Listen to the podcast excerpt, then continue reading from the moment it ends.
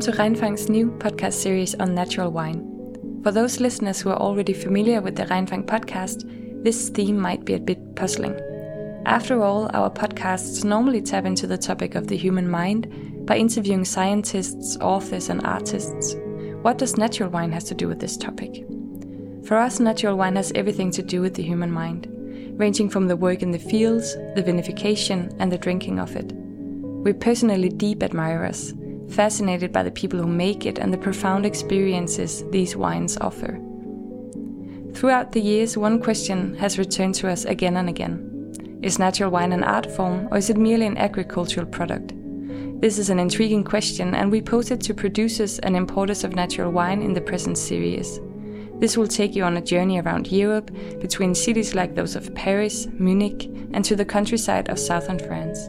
In this episode, you will meet winemaker Beatriz, Beatriz produces wine together with Etienne Leblanc. The domain is called Clos Kixhaya and is located in Loire, more precisely in Chinon. Their wines are truly amazing and we really, really recommend them. We were lucky to taste a handful of them at the wine fair La Goléance in Paris. The interview is recorded at this wine fair, which explains the bit of background noise you might hear. Find Clos Kixhaya on Instagram by the link in the description of the podcast. We hope you enjoy the interview as much as we did.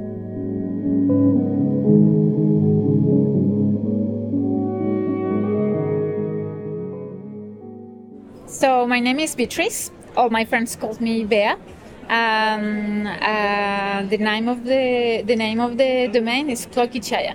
And I don't know. and before before we, we did the interview, you you actually just mentioned that the name of the house it has a certain history or like Yeah. it means something. It's yeah, cool. I I live in France. Uh, my family is in France. My children are in France, uh, but I come from Colombia originally. So uh, the name Kixhaya it's a composed word that comes from the um, indigenous tribe at which my grandfather belonged. Um, where he come from, and it's uh, it's two words. It's quiches. It's a lien, that is the family of the vines, and ja means water. So the winery and the vines are located in La Vienne, beside the beside the river. So it is like a, a cheeky name uh, to say the lien beside the water, and also uh, part of me that it's brought to France uh, to to make just like a, a little piece of me in Kixhaya, yeah, having the vines beside the water in the name. it's super cool. Mm-hmm. So so so where is it in France that you do uh, wine or make wine? Yeah, it is in Chinon. It's uh, Chinon is in the Val de Loire.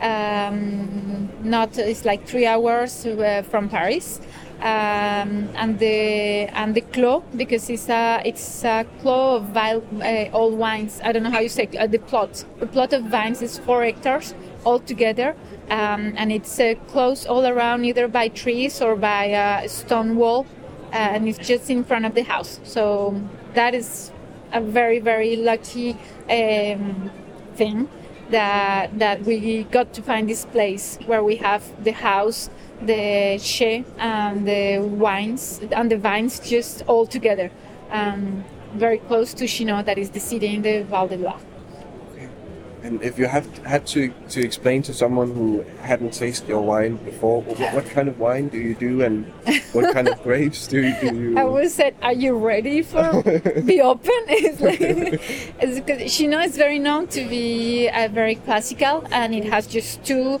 um, cépages that stay. That is Cabernet Franc and Chenin.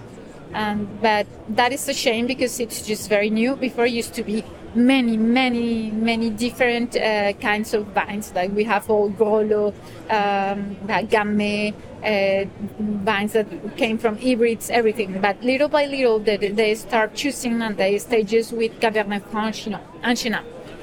Uh, in the in the land, I have just uh, Cabernet Franc.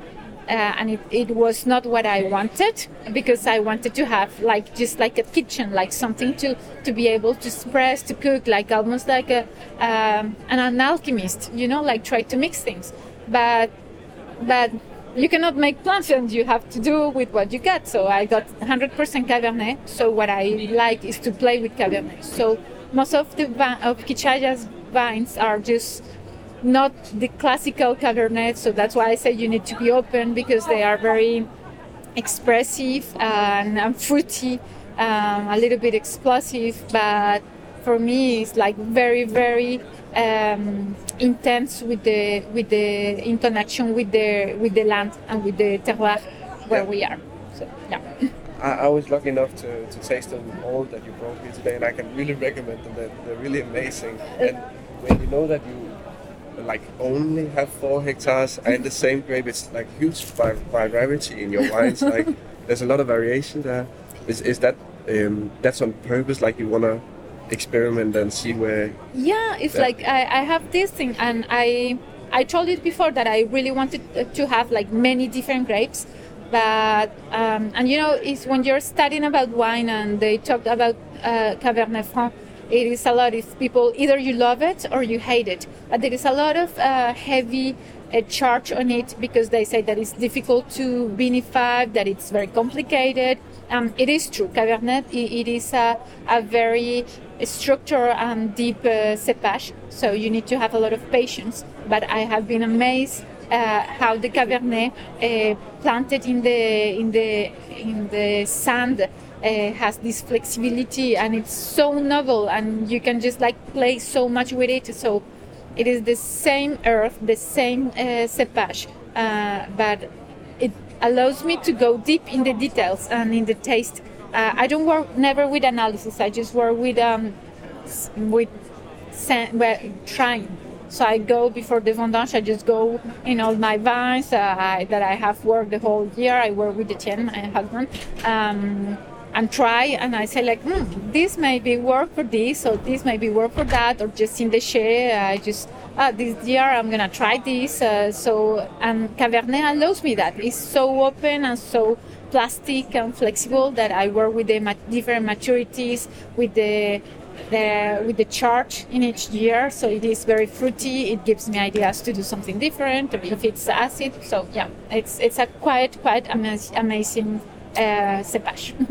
Did, did that surprise you? Or like be- before working that much with Cabernet Franc, did, did, it, did you have that im- impression of the? Not at all. Okay. It was just like it's. Uh, uh, some people said this thing like if you have lemons, make lemonade, and it was a little bit like that. It's like I, I found myself with only Cabernet Franc, but I knew that I didn't want to have just like one cuvée Cabernet Franc, so I was really pushed to just try different things and and and that's also what I like and that I really enjoy about having an artisanal project.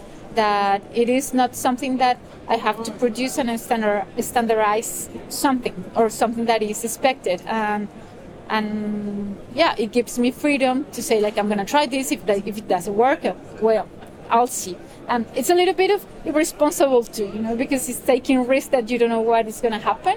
Yeah. But so far, I have been lucky and and, and I have just enjoyed. Yes, really, and and I also think this like. Uh, I want to do a wine that if people doesn't like it, I can drink it. so, of course, I cannot drink all the four, the four hectares, but it's like something that I tell myself just to, okay, it's gonna be okay. We can always drink it. So, Okay. so yeah. That's a good one. Was there like a specific reason for why you became a winemaker? Yes. Yeah. Well, it was like uh, I really since before I was an architect. Uh, I was an architect special specialized in environmental design. So I have always had this fascination and love for environment and nature.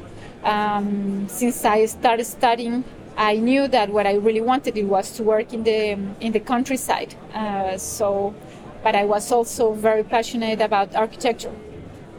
So yeah, I said like, okay, I'm gonna work this for ten years or so on it, but but I really want to go to the countryside, and I start looking because I didn't want just to live there to go and work in the city. I really wanted to work with the land, um, and I start. Of course, I love the wine, and I start looking for something that would.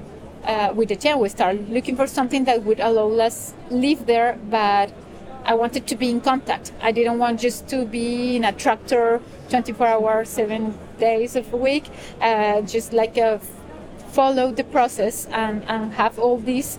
Uh, like you have a little bit of agriculture, you have a little bit of transformation, you have uh, you have a product that you can also put your input on it, a little bit of your soul, I said, because it's, uh, it, it is so different from each winemaker to another. So, yeah.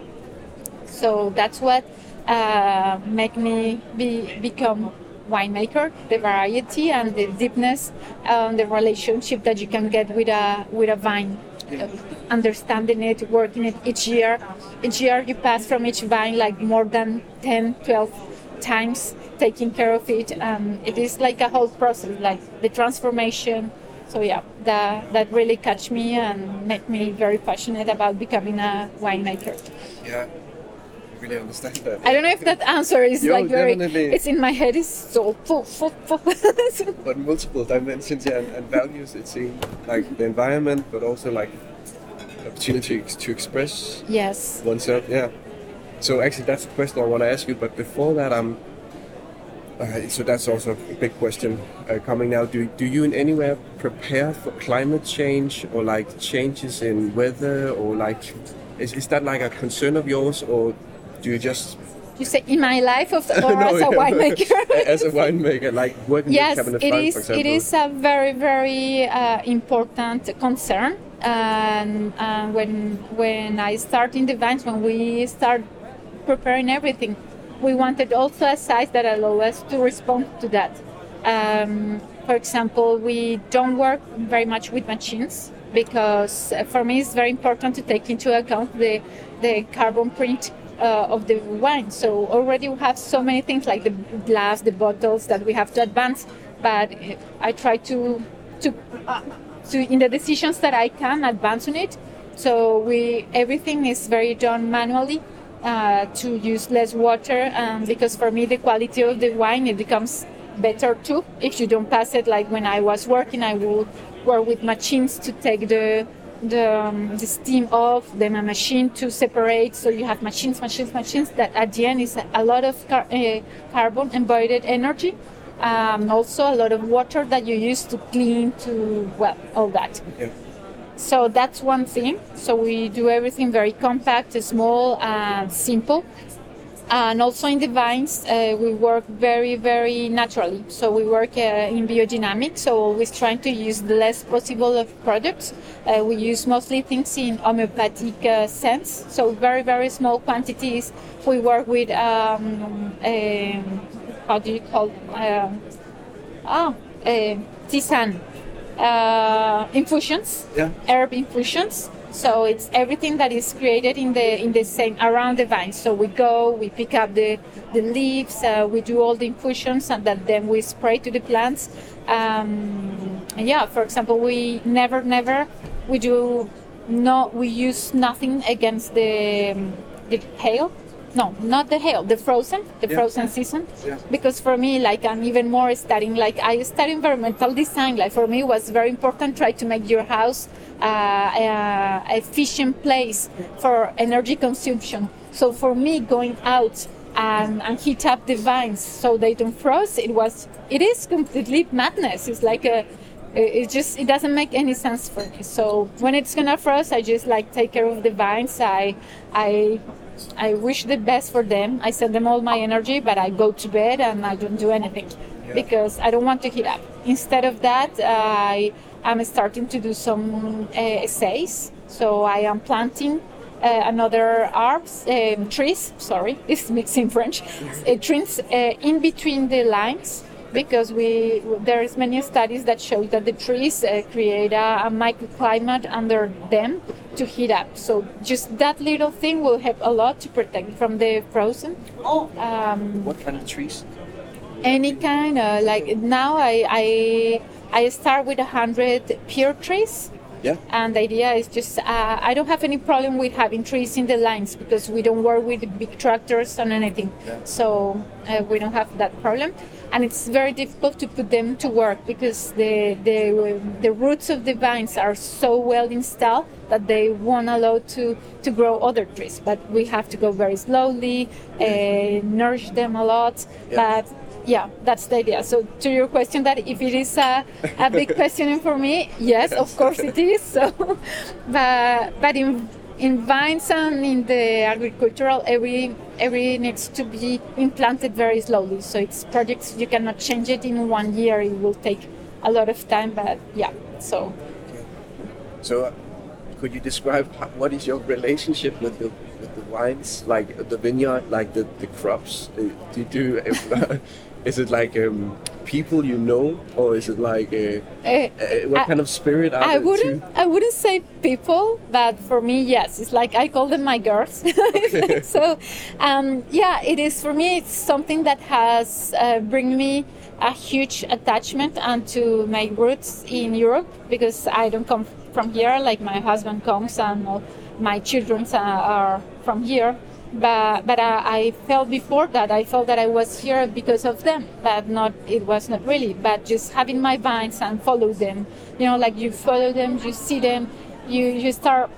It is weird because of course I'm not crazy. I know they are not people, but but follow them through all the years, every season, every week. You start like meeting them how they how they behave, um, and and they are they are living beings. So you start also to oh you're dry, so okay, it's the water. So it's not the same. You I don't I don't give a personality, but yes, I, I recognize them like a, a living beings, and, and I have this connection where I also think that they feel uh, that I take care of them, and and I know that they give me beautiful grapes because it's a relationship that we have created between us. So yeah, it's Makes sense. uh, it may be twisted, but yes, I feel that they know when I get in the plot, or they, Yeah. yeah, uh, yeah. It's a little bit weird, but it, it works for me. It's Yeah. like how I see it. So. It sounds very reasonable. uh, okay, last question um, uh, relating to that also. Um, so, this, the name of this series is um, Natural Wine, Art, or Agriculture? Okay. Like, question mark. Um, would you say that a natural wine, like a wine of glass, is that a piece of art to you, or is it like an agricultural product, like good vegetables or something like that? That is a super tricky question. Um, for me, it's very, very uh, difficult to separate both because it was what I was telling you. Like for me, what catch me in the winemaking, it was this uh, environment where it is agricultural because you have to. I cannot disassociate the the grape production from the wine that I do. It is like when you have uh, an amazing plate. Uh, you cook well with good uh, ingredients. Um, um, and to make uh, beautiful grapes, you have to take care of the plants. And to take care of the plants, you have to take care of the soil um, and, and all the ecosystem around it. So I work a lot bringing the uh, biodiversity, uh, trying to make a to, to leave something that, that we can give to the soil more than just take it, and that's clearly agricultural. Uh, but also, when you go to the winemaking, uh, I love that because for me, it's also a, uh, an, an expression and it's an art. So it is very weird because I respect the artist, so I wouldn't say, yeah, I'm an artist. It's, it's very. So I don't I don't think about myself as an artist, but definitely for me, the wine is a way of expression. Uh, I don't use any um, analysis or labs or when people talk to me about how many what is the percentage like for me just like woof it explodes in my head because i do everything very sensorial so so it's how i like it how i how i feel it so i will push here just because i like how my hand feels in, in the middle of there uh, you know? So yeah i will say that it's a, it's a, it's an art also because it becomes a, a way of expression. But it's a wild art because you cannot control it. So it's completely you guide it but you don't you are not responsible for the for the result. Yeah. so, yeah. Thank you. You so you, make amazing art. Then I can really recommend your wine, and we're gonna put uh, like, of course, the name of it in, in the footer of this podcast. Thank you very much. that's super sweet thank you ma- very much victor